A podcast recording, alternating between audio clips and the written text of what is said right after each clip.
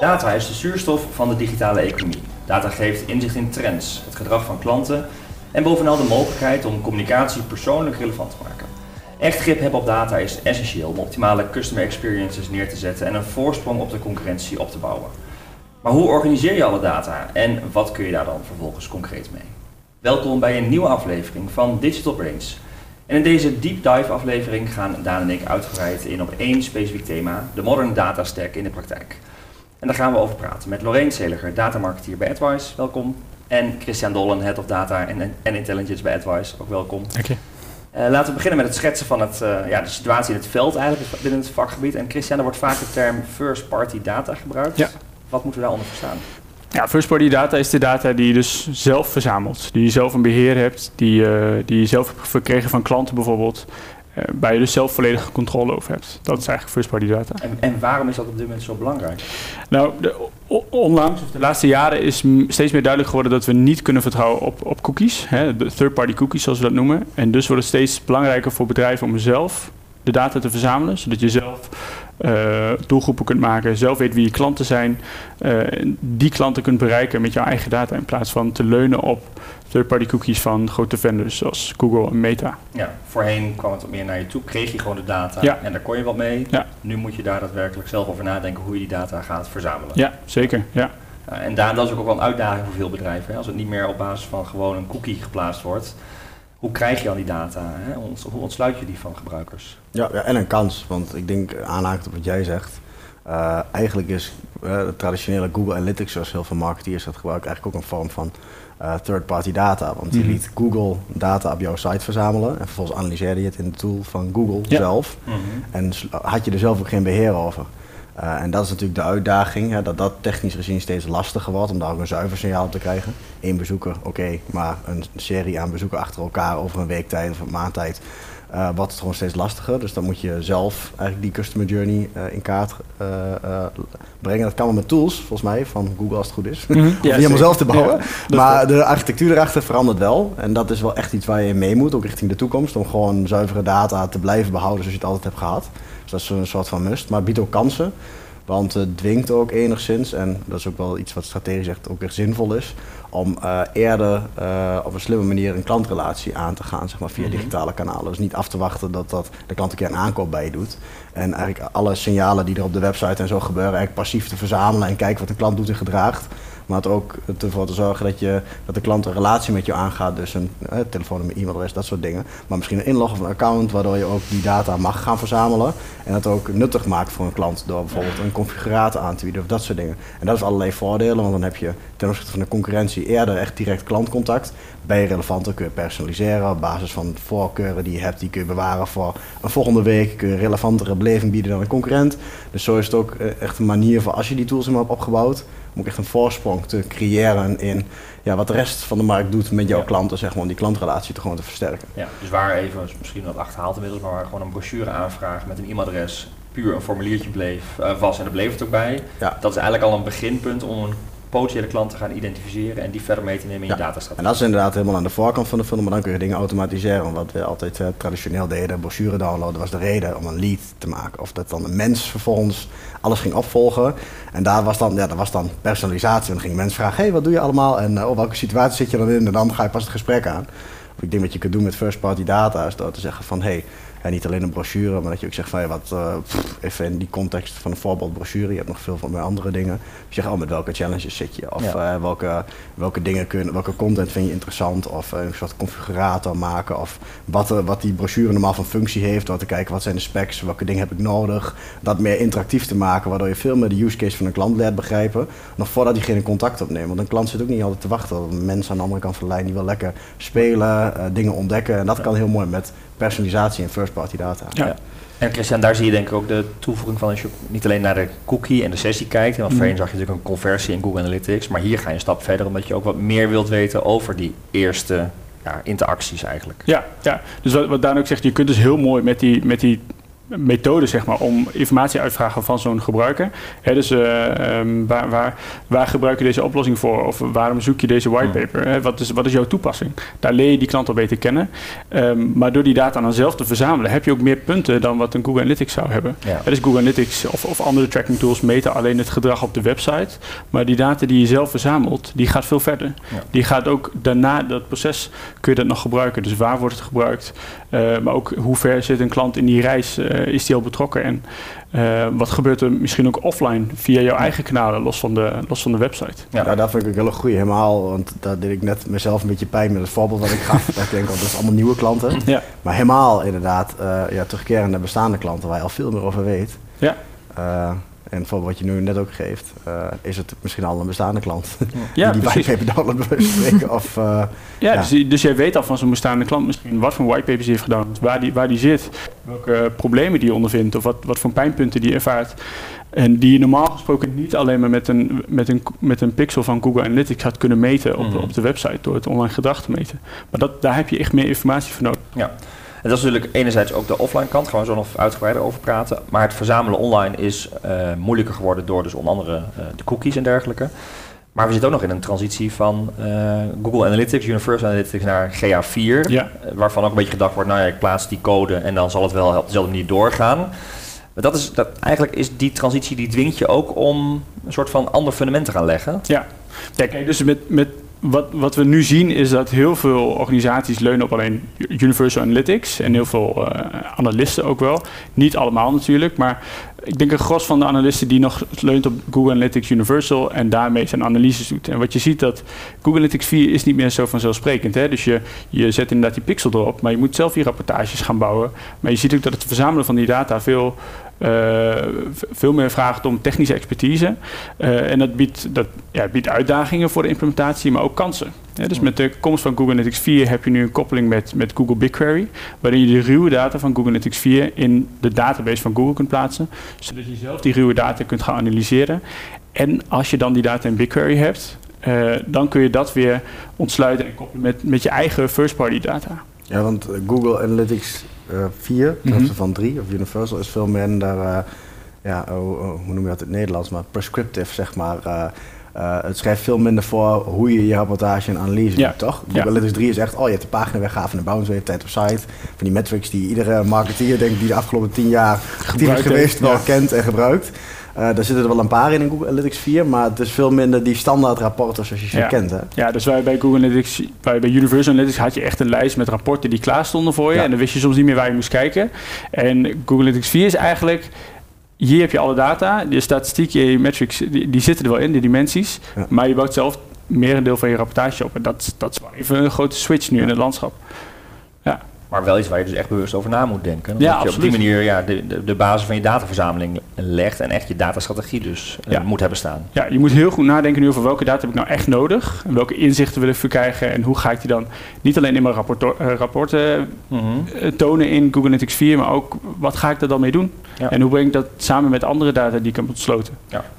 Waarin ik denk wel een hele interessante fase op dit moment in, ja, als datamarketeer natuurlijk, waar ook met name die persoonlijke uh, data en segmentatiemogelijkheden misschien wel groter dan ooit worden, omdat veel meer bedrijven over die first party na, uh, data nadenken. Ja, zeker. Ja, wat, wat we dus eigenlijk, wat Christian ook zegt, wat we graag willen, is dat we natuurlijk de data centraliseren.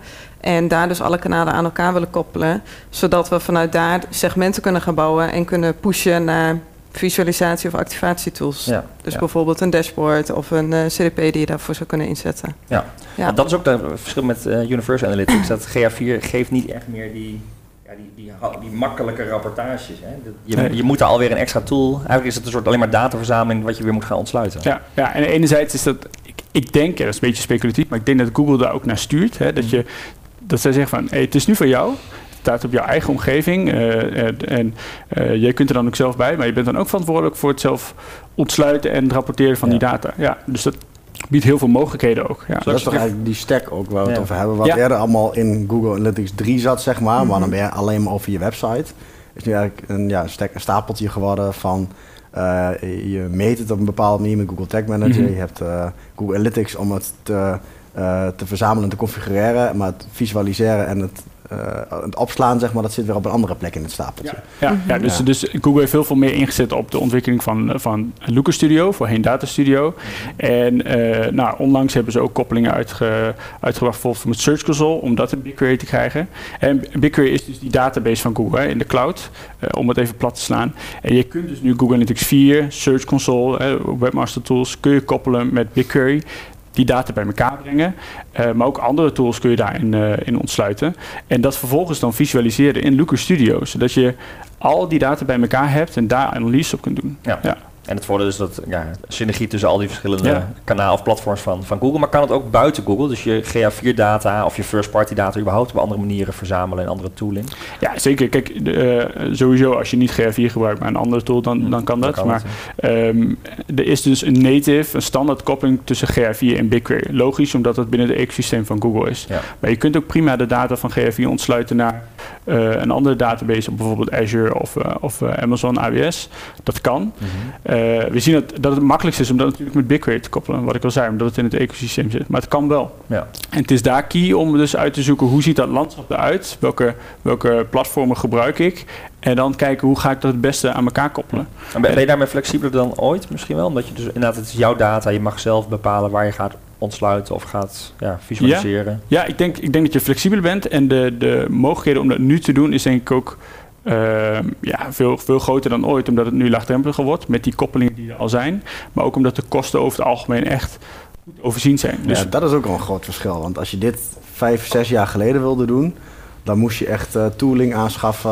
Volgens mij zei hiervoor ook wel van, goh, dan moest je een ton betalen als de data van jezelf uh, Ja, uh, dus- in Google Analytics 360 bijvoorbeeld. 360, Ja, ja, daar ja. had je echt gi- gigantisch grote licenties. Nu is het standaard zo. Ja. Dus het is ingewikkelder geworden voor de organisatie misschien, maar het is in ieder geval financieel gezien en ook technisch gezien een stuk ehm, eh, behapbaarder geworden om zoiets Ja. te kunnen realiseren. Wat eh, eerder echt aan van die grote enterprise organisaties was eh, voorbehouden, zeg maar, om, om te bouwen. Ja, ja, zeker qua kosten en investering. Ja. Ja. Kijk, je hebt natuurlijk wel die technische kennis nog nodig om het op te zetten. Ja. Dus daar zit nog wel een drempel. Maar ik denk dat dat steeds meer wordt ingehaald. Omdat de, de, de marketeer wordt ook steeds meer kundiger en heeft meer de skills en meer technische skills om dit ook op te zetten. En ehm, ja, wat ik al zei, die kosten zijn dusdanig laag nu dat iedereen het kan doen. Het is allemaal pay-per-use eigenlijk. ja. In plaats van dat je een ton moet betalen, is het gewoon een paar eh, cent per, eh Ja. Per, eh, gigabyte wat je gigabyte Ja, ja, ja. Ja, en ik denk dat je het overzicht en de kosten vooral eh, inzichtelijk kunt krijgen als we beginnen met een datalandschap maken. En dat Ja. is wat we vaak ook doen voor klanten. Dus je kijkt, oké, waar wil ik de data opslaan? Welke kanalen heb ik in beheer? Hoe krijg ik die data op een centrale plek, als bijvoorbeeld in BigQuery? Zodat je echt een, een overzicht samen met de klant maakt en daardoor ook een overzicht krijgt. Wat heb ik nu eigenlijk en wat mis ik eventueel Ja, hoe nog? ziet dat stapeltje eruit voor die klant, zeg maar, om dat op een modernere manier... eh, ja. ja. En eh, is het ook zo dat je, dat als je daar goed over nadenkt en dat landschap goed in kaart hebt en aan de, op de juiste manier aan elkaar koppelt, dat je ook bijvoorbeeld offline en online data veel meer met elkaar kan gaan verbinden? Ja, zeker. Het belangrijkste is, is dat je daarom zoveel unieke identifiers eigenlijk kunt Mhm. verzamelen. Dus dat is dan of een cookie, of een mailadres, of een telefoonnummer.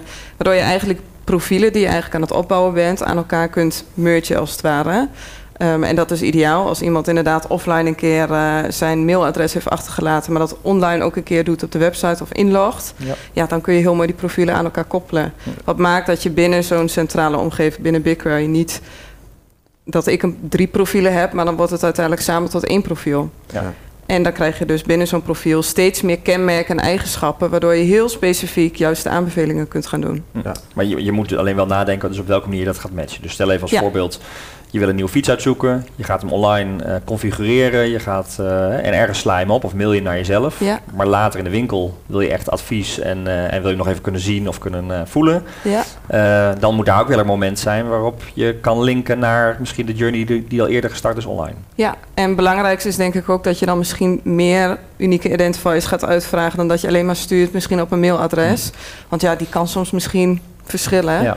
Dus dan kan het misschien handig zijn om dan ook nog eens die telefoonnummers uit te vragen om er zeker van te zijn dat het ene profiel bij het andere profiel Ja, hoort. want, dan, want ik vond het ook wel mooi dat je zei eh, dat onderscheid tussen. eh, dan kunnen we daarna beter rapporteren, maar je kunt Mhm. ook betere activatie doen. Dus Ja. je kunt betere recommendations voor fietsen en accessoires als het ware doen op die Mhm. fiets Ja. online.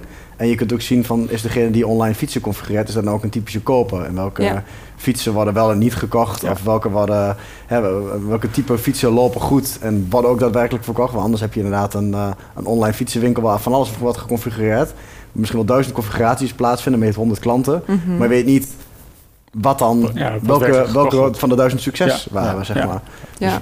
Maar ik vond het onderscheid ook wel mooi dat je zegt van, ah, ah, ah, dan kan de meneer in de fietsenwinkel zien hoeveel fietsen die heeft verkocht en je kunt het visualiseren. Ja. Maar je kunt ook inderdaad beter de, de, de platformen aansturen en de campagnes. Ja, zeker door segmenten. voeren. Ja, door bijvoorbeeld segmenten aan te maken van mensen die allemaal geïnteresseerd zijn in een stadsfiets voor dames. Of allemaal geïnteresseerd zijn in eh, misschien alleen accessoires. Nou, daar kun je dus heel mooi een doelgroep van maken. En doordat je al die kanalen op een centrale plek koppelt.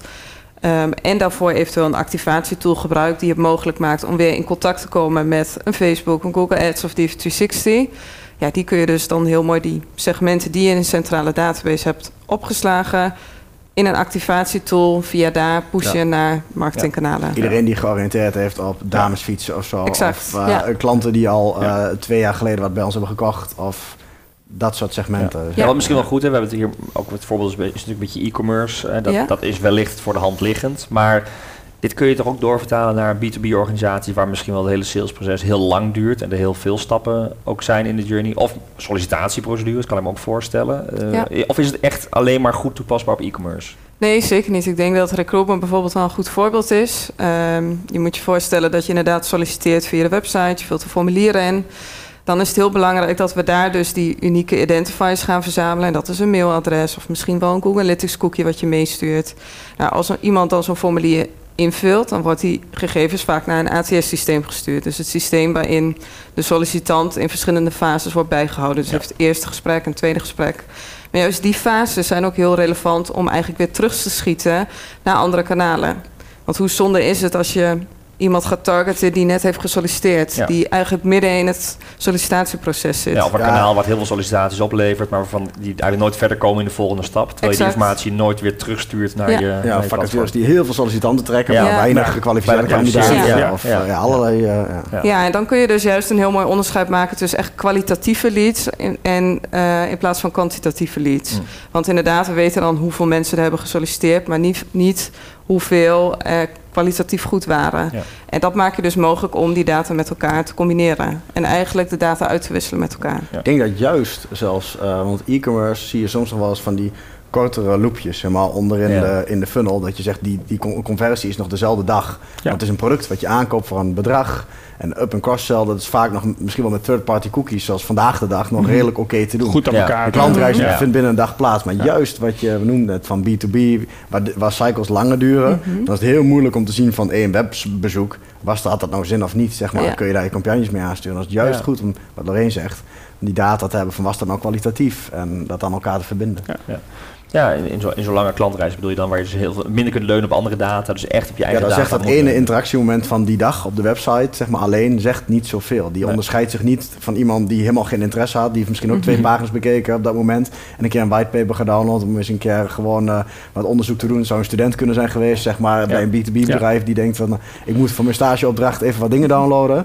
Eh, maar het zou ook de belangrijkste lead van dat jaar kunnen zijn Ja. geweest. Ja. Dat maar op die dag in één websitebezoek, het verschil ga je nooit zien. En, en je hebt natuurlijk gewoon technische de, ehm, beperking van dat, dat de cookies worden steeds vaker eh, verwijderd door de browser. hè. Browsers zijn steeds strikter met het opslaan van cookies, zeker Ja. third-party cookies.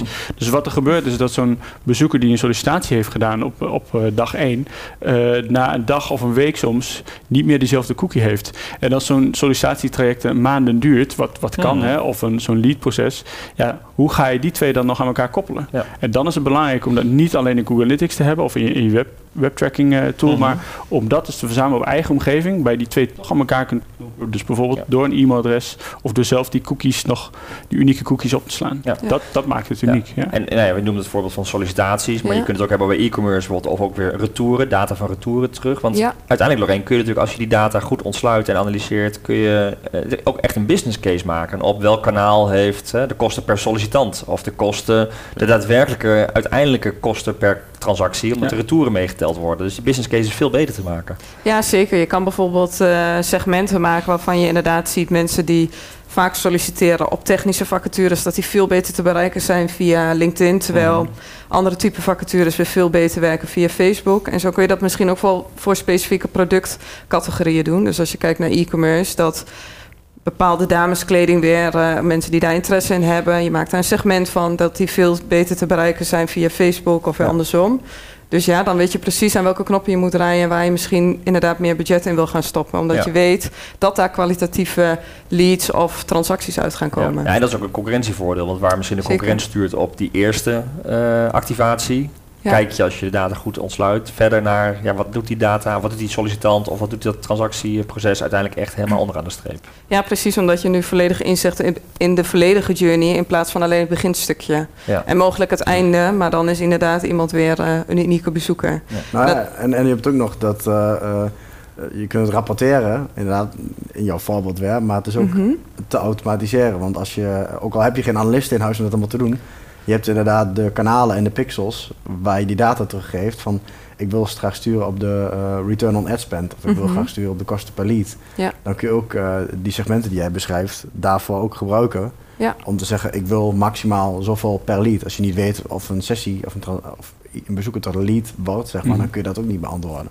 Nee, wat denk ik eh, een hele mooie oplossing daarvoor is, is dat je, als je dan inderdaad kijkt naar die activatietools, dus bijvoorbeeld naar een customer data platform, is dat je vaak een journey ook kan definiëren. En waarbij je zegt, hey, als iemand heeft gesolliciteerd en hij ehm, heeft ehm, vervolgens het eerste gesprek gehad, dan wil ik dat je dit segment pusht naar LinkedIn, omdat ik weet dat ze Ja, daar de- vaak mm, nog De weer zijn. lookalikes van maak maar lookalikes Exact. van mensen die bij ons aankopen Ja, doen. Zeg maar. maar dat, dat ook- is de, Ja, maar ook als mensen bijvoorbeeld weer terugkomen op de website, dan wil ik dat je dit en dit en dit doet. Ja. Dus je, doordat je een beetje weet wat iemand doet over de hele journey, kan je dus ook verschillende touchpoints bedenken en verschillende tools daaraan hangen die daarbij passen. ja, dus niet alleen het geld uit, goed uitgeven, budget verdelen, maar Ja. ook zeggen dat kanaal is werkt dan wel, die boodschap op dat moment. Ja, en, je, je- en wat jij zegt, Lorraine, is dat je dus die data weer geautomatiseerd terug kunt eh, sturen. Je noemde even de term CDP. Misschien dan Ja. even goed van wat, wat, ja, wat is daar dan de toegevoegde waarde van? Want je kunt natuurlijk ook, die, ja, als je het in een CRM bijhoudt, kun je natuurlijk ook gewoon exports maken en Mhm. ook wat met die data weer doen.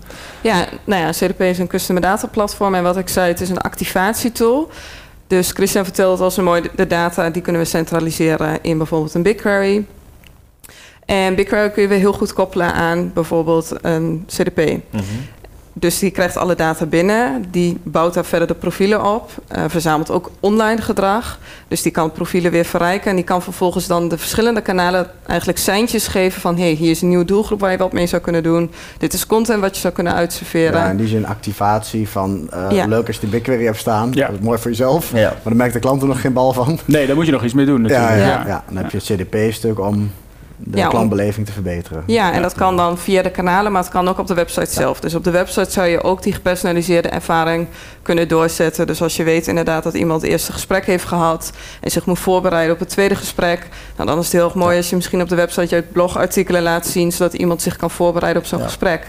In plaats van dat je nieuwe vacatures laat zien. En dan heb je ook een reden om in te loggen, toch? Als gebruiker. Exact, dat ja. geeft weer een mogelijkheid om te identificeren. Ja, Want dan kun je zeggen inderdaad van, hey, kom je op die pagina en zegt hij, ja, log even in, dan pakken we het proces weer verder op. Ja. En, dan Ja. ik toch- en dan heb je dat Ja, datapunt. wat wat zo'n zo'n customer data platform heel goed doet, is het, het aan elkaar knopen van verschillende id- identifiers. Hè? Dus die, die herkenningspunten. Dus als je niet ingelogd bent, maar je hebt nog wel dezelfde cookie, dan herkent hij wel dat die cookie bij jouw account Ja. hoort. Dus hij is, hij is heel slim, veel slimmer dan je het zelf zou Ik kunnen. hoor vaak dat voorbeeld wel eens, eh, dat ze zeggen, ja, dat is net als bij bol.com. Dat je denkt, ja, dat klopt. Want als je daar bijvoorbeeld inlogt ook, een keer ingelogd bent geweest en de volgende dag kom je terug, zegt hij wel hallo naam. Ja. Alleen zodra je wat gaat bestellen, moet je alsnog inloggen. Dan Ja. denk ik, waarom dan? Ja. En wat jij zegt, ze onthouden wel van je bent ooit ingelogd geweest. Mhm. De personalisatie bewaar je wel met een cookie. Alleen zodra je echt security dingen gaat doen, zoals aankopen, Dan dan, moet je natuurlijk log even een keer in. Ja, absoluut. En dan wordt dat cookie weer ververst, kan die wel langer blijven Ja, staan. Maar, ja. eh, En ook als je vanuit een ander apparaat inlogt, hè, dan weet hij in één keer, hey, dit is een nieuw apparaat, hetzelfde account, Mhm. dezelfde persoon. Dus dan Hm. moet je de volgende keer op dat apparaat die ook weer voorkeur, goed. ja, Ja. dus dan meng je dat. Maar eh, toch, even af- vanuit consumentenperspectief. Kijk, er is natuurlijk een hele transitie gaande waar het juist gaat om meer privacy. Om Mhm. niet zomaar verzamelen van data. Terwijl wij hier het vooral hebben over de trucjes hoe je de data wel kan verzamelen en kan Ja. ontsluiten. En, en ook best wel e-mailadres en telefoonnummers hebben we net genoemd. Ja, ja. dus ook wel weer hele privacygevoelige informatie juist weer gaan verzamelen. Ehm, Ja, zit de, ik bedoel, is het dan, zitten die consumenten hier uiteindelijk op te wachten? Of, of waarom is dan de oude situatie minder wenselijk dan deze situatie? Het is een beetje, het is een, um, hoe zeg je dat? Een, een uh, tegenstelling. Hè? Dus de consument verwacht een betere ervaring uh, over alle apparaten heen, Ja. omdat ze overal zitten. Dat is de standaard die ze verwachten. Dat is eigenlijk de standaard, ja. En tegelijkertijd is er strengere regelgeving en eh, is er meer privacy, eh, zijn er meer privacy-regelgeving dan ooit. Hè? Dus Mhm. browsers die strikter zijn, eh, de cookie-wetgeving. Dus dat botst natuurlijk, want hoe ga je dan die Ja. ervaring zo persoonlijk mogelijk maken zonder in strijd te zijn met de wet of met de regelgeving? Ja. En daar is denk ik de kunst om zo goed mogelijk eh, uit te leggen aan die eindgebruiker, die de, de consument die de site gebruikt, van waarom hebben we die data nodig? En dat je die consent krijgt. Dus de toestemming krijgt van die gebruiker om die data op te slaan. Ja, waar voorheen de gebruiker niet eens wist wat opgeslagen werd en waarom je dat deed, ben je nu bewust bezig met, ja, hey, we kunnen jou naar een verlanglijstje of Ja. je configurator met je mailen als je even wat achterlaat en, eh, en misschien precies. beter advies geven. Ja. eh, ja. Ja, dat waardepropositie eigenlijk. Ja, van, ja. ja. wat, wat krijg je ervoor terug? Dus, nou, Ja. Bij bol.com is het Ja. inderdaad gewoon fijn dat je op je homepaginaatje komt. En daarom bieden ze het aan. Hey, als je inlogt, zie je jou gewoon eh, jouw laatst bekeken producten, dat soort dingen weer. Ja, ja. Ja. kijk, het Ja, gaat handig. zoals met, eh, met een wishlist bijvoorbeeld, zo'n verlanglijstje. Ja. Dan, dan, natuurlijk, je kunt heel vaak een verlanglijstje maken zonder in te loggen. Maar dan zeggen ze, hey, als je nou inlogt, dan kun je het verlanglijstje ook op je andere Ja, apparaten weer zien. winkelwagentje Ja. Van, wil je zorgen Ja. dat jouw spullen in je winkelwagentje Precies, blijven liggen, ja. log even in. Ja. Dus je geeft ook heel vaak van die prompts om even aan te... Dat is het ook, hè. je hoeft niet één keer te vragen. Eh, je kunt het vaker vragen. Ja. En heel Ja. vaak nu is het zo van, nou, helemaal aan de voorkant van de website vragen we ook van, mogen we cookies en alle dingen? Terwijl je net voor de eerste keer, als het ware binnenkomt, gaan we in relatie Ja. Flof, eh, van gaan we alles vragen dat je denkt, ja, wie ben jij en waarom kom je hier? Terwijl als je het op een slim punt doet, op het moment dat die waarde wordt geleverd, dat je zegt, nu kom je winkelwagentje. Oh, mogen we even toestemming, zodat Hmm. we dat kunnen opzetten. Dat je zegt, Ja. Ja, is veel gebruiksvriendelijker Ja, eigenlijk. ja, en kijk, en vaak, vaak klikken we natuurlijk blind op dat accepteren hè, als, van de cookie, eh, cookie banner. Dat gebeurt denk ik steeds makkelijker. Alhoewel, ik denk dat we ook steeds meer bewust zijn dat wat er achter zit. Ik persoonlijk zelf klik steeds vaker op nee, hè, decline. Maar Ja. dat is natuurlijk één moment waarop je dat kunt uitvragen. En de kunst is natuurlijk om dat vaker te doen. Ja. Dus die voorbeelden die jij net aanhaalde. Zodat je dus vaker vraagt om toestemming. En misschien moet je het wel gefaseerd doen. Hè? Dus eh, wat, wat, eh, wat we soms zien is dat aan de voorkant eenmalig het e-mailtest uitvragen. En later, door, door eh, volgens mij noemen ze dat drip-campagnes, later met andere mailtjes Mm. weer vragen: hey, mogen we trouwens je voorkeuren weten? Eh, Ja. Wat vind je trouwens Ga je eigenlijk interessant? Ga je het verrijken? Ja. En dan krijg je op een hele natuurlijke wijze krijg je die informatie. Opbouwen, ja. Ja. Vertrouwen. Ja. Ja. Ja, en, de, en de consument geeft bewust, je klant geeft bewust die informatie. Je vraagt erom, Ja. maar er is altijd nog een ruimte om het wel of niet te geven. En blijkbaar wil de consument het ook geven. Ja. Ja, je krijgt wat voor terug. Inderdaad, precies. De essentie is eh, verlanglijstje opslaan of even je voorkeur bewaren voor de volgende keer. Of, eh, Ja. eh, ja. Ja, maar als het dus frictie wegneemt en de consument begrijpt waarom hij dat doet, dan zijn, is iedereen wel heel erg bereid om de informatie Ja, te tuurlijk. Want het is, een, het is eigenlijk een transactie tussen jou en die, die Ja. eindgebruiker. Ja. Ja. Maar goed, daar speelt vertrouwen ook een Ja. belangrijke rol. Weten wie, er, wie jouw data heeft, wat, je ermee, wat ermee gedaan wordt. En vertrouwen ook niet schaden. Ik kan me voorstellen ook als je naar de activatie kijkt, die Mhm. data dus weer gaan gebruiken, dat het ook wel, dat je ook, ook als merk, of als bedrijf na moet denken. Ja, blijft het wel op een eh, goede, transparante, eerlijke manier doen. Ja. Want anders krijg je juist botsing met je klanten. Ja, dus daarom is het juist heel goed om soms ook even die bevestiging te vragen. Hm. Dus inderdaad, als je, eh, om het voorbeeld van bol- bol- bol.com aan te houden, ehm, daar zie je inderdaad je naam staan. Het is helemaal niet erg om dan eens te vragen van, hey, om echt hetgene aan te bieden wat bij je past, willen we even bij je checken of je dit bent. Want ja, het kan best zijn dat je met meerdere gebruikers op dezelfde Ja. browser zit. Of dus juist door wat vaker bijvoorbeeld om bevestiging te vragen en ook aan te geven wat iemand ervoor terugkrijgt, weet je gewoon zeker dat je met de juiste persoon ook te maken hebt. En kun je dus ook beter die aanbevelingen doen. En hoef je dus ook niet ja, iets uit te proberen, maar kun je met iets meer zekerheid die relevante content eigenlijk uitserveren. Ja. ja, het is ook belangrijk wat je zegt. Als een consument ook het gevoel krijgt van ja, maar de data klopt niet of ze, ik krijg hele Nee. verkeerde dingen, dan wordt het ook wantrouwend misschien wel. En je Ja. moet af en toe ook soms checken wat je verzamelt, klopt dat nog steeds? En is het nog steeds Ja. degene die we denken te, te zien? Ja, en met een activatietool kan je dus ook, ja, het zijn dus op mini-enquêtes, die kun je soms Hmm. embedded in de website verwerken, kun je als notificatie laten zien, waarbij je bijvoorbeeld zegt, hey, we willen je graag wat beter leren kennen. Ehm, wat is je favoriete vakantie of wat is het favoriete product of eh, waar ligt je interesse? En nou ja, dat kun je dan weer mooi opslaan in iemands profiel, zodat je daar direct of op een later moment of via een andere kanaal weer juist op kan inspelen. Ja. juist met als doel om, ja, om elkaar wat beter te leren kennen en om datgene aan te bieden waar iemand ook echt behoefte naar heeft. Ja, of ook, uh, wat, wat, ik ook wel eens zie, is dat uh, uh, bij een, bijvoorbeeld fietswinkel, laten we die weer oppakken, mm -hmm. dat je niet alleen zegt van de mensen die via online komen en een fiets hebben geconfigureerd, maar ook degene die gewoon puur fysiek in de winkel een fiets kopen. Uh, dat die ook bij wijze van spreken gewoon online bij hun gegevens kunnen, bij hun bonnetje, hun garantie Ja. in kunnen. Hun, dat je eigenlijk echt om die channel gaat nadenken van ook hoe kun je de analoge kant van de business zeg maar Mhm. ook digitaal ontsluiten, zodat het ook logischer wordt, de business case vollediger wordt, Ja. meer Ja. service kan verlenen. Zo geldt ook binnen B2B Ja, bijvoorbeeld. maar accessoires Klanten die hun makkelijker online facturen kunnen Ja. raadplegen in dezelfde omgeving als waar je de producten en diensten kunt bekijken Ja, ja, bijvoorbeeld. Nee, maar ik kan me voorstellen dat je offline iets koopt, dat je zegt, ja, maar zullen we een account aanmaken of wil je een account? Of mag ik je e-mailadres om je factuur te sturen? En online kun je nou, je accessoires of je service inderdaad plannen. Ja. Mhm. Dat zijn ja, dus minder offline gevoelig misschien. Ja, Eh, maar dat Ja. kan met de modern data stack denk ik ook mooi, want dan kun je inderdaad gewoon je, je CRM-gegevens als het ware ook ontsluiten via je website en ook meer de, ja, de business dingen die dan maak je wat groter dan alleen maar marketing, zeg maar. Ja. Dat is Mhm. echt serviceverlening wat je ook een stuk digitaliseert. Wordt die klantdata en dat soort dingen ook allemaal logischer om te doen dan alleen maar zeggen ja, we gaan onze marketingcampagnes optimaliseren. Ja. Dus dat- moet je ook iets breder gaan kijken. Precies, ja. Dat hebben we ook al eens gezegd. hè. Het gaat dus natuurlijk om die data die je verzamelt. Niet, eigenlijk niet ten, ten voordeel van jezelf, maar met als doel om meerwaarde te bieden aan Ja. die eindgebruiker. Ja. En als je dat in de achterhoofd houdt, dan, dan ben je denk ik altijd met de juiste dingen bezig. Ja. Als het En, dus, om- en dus ook niet te veel focus op die eerste transactie, of, maar het gaat echt op service, loyaliteit ook. Hè? Ook daar nadenken Ja. wat je met de data kan Mhm. en, eh, en hoe je die relatie kan behouden. Ja, absoluut. Het voorbeeld wat Daan net aangeeft van, eh, van, eh, van dat je het, het offline proces ook online beschikbaar maakt. Ik vind het voorbeeld van uh, Kawai doet het heel goed. Dan heb je dus in je app heb je, je, je bonnetje staan. Daar kun je naar de winkel. Eh, Ik wil retourneren. Dit is mijn bonnetje. Ja. Klaar. Dus ook in het, juist Ja. in dat proces na de aankoop. Dat maakt dat je dus zonder zorgen naar zo'n winkel gaat en iets koopt. Want je weet toch dat je... Ja, en, je en bereid bent je profiel aan te maken, ja. de app te gebruiken. Ja. Weet je, je, bent, je Aandacht. bent bereid om heel Je, veel bent, je hebt informatie. veel meer ja. merkcontact. Ja. Je, kunt, je komt in één keer weer op de homepage van die app en dat je denkt, hé, hey, daar zitten ook de schroeven bij Ja, die ik die ik zocht. net nodig had. Ja, ja, dus Ja. ja, dat is... En die kun je eh, weer personaliseren natuurlijk. Dus Precies. Ja, ja, als ze weten dat ik aan het klussen ben, Ja, ze zo dat bedoel ik ook met de schroeven. Ja. Van, Ja, eh, je hebt net een paar panlatten gekocht van de next best eh, aankoop is eh, als je met een tuinhuisje bezig bent, eh, Ja. eh, Ja. dit of dat. Of, Maar het voelt dus niet te pusherig. Het voelt eh, eigenlijk serviceverlenend. Tuurlijk met als Mhm. doel transacties genereren. Maar ze helpen je min of meer door gewoon heel relevant te zijn. Ja, en gewoon vragen om bevestiging. Ja. En aangeven wat je ermee gaat doen. En Ja. ik denk dat dat al een hele belangrijke stap is die we kunnen zetten, denk ik. Ja. Door gewoon aan te geven, hey, we willen je graag wat beter leren kennen en we hebben iets heel tofs wat we je willen laten zien. Geef dan even aan wat je voorkeuren heeft. En nou, doe dat ook wat later in de journey, want een journey kan gewoon wat langer zijn. Helemaal als je inderdaad kijkt naar B2B of naar recruitment, dan is die eh, controlevraag eigenlijk wat je Mhm. soms stelt gewoon heel erg van belang. Want ja, eigenlijk als ik bijvoorbeeld nu naar een website ga en ik krijg een verkeerde aanbeveling, zo weten veel mensen vaak niet hoe ze dat eventueel kunnen aanpassen. En Ja. ontstaat er eigenlijk alleen maar irritatie. Ja, kan juist schaden de, Ja. de relatie met, je, met je klant.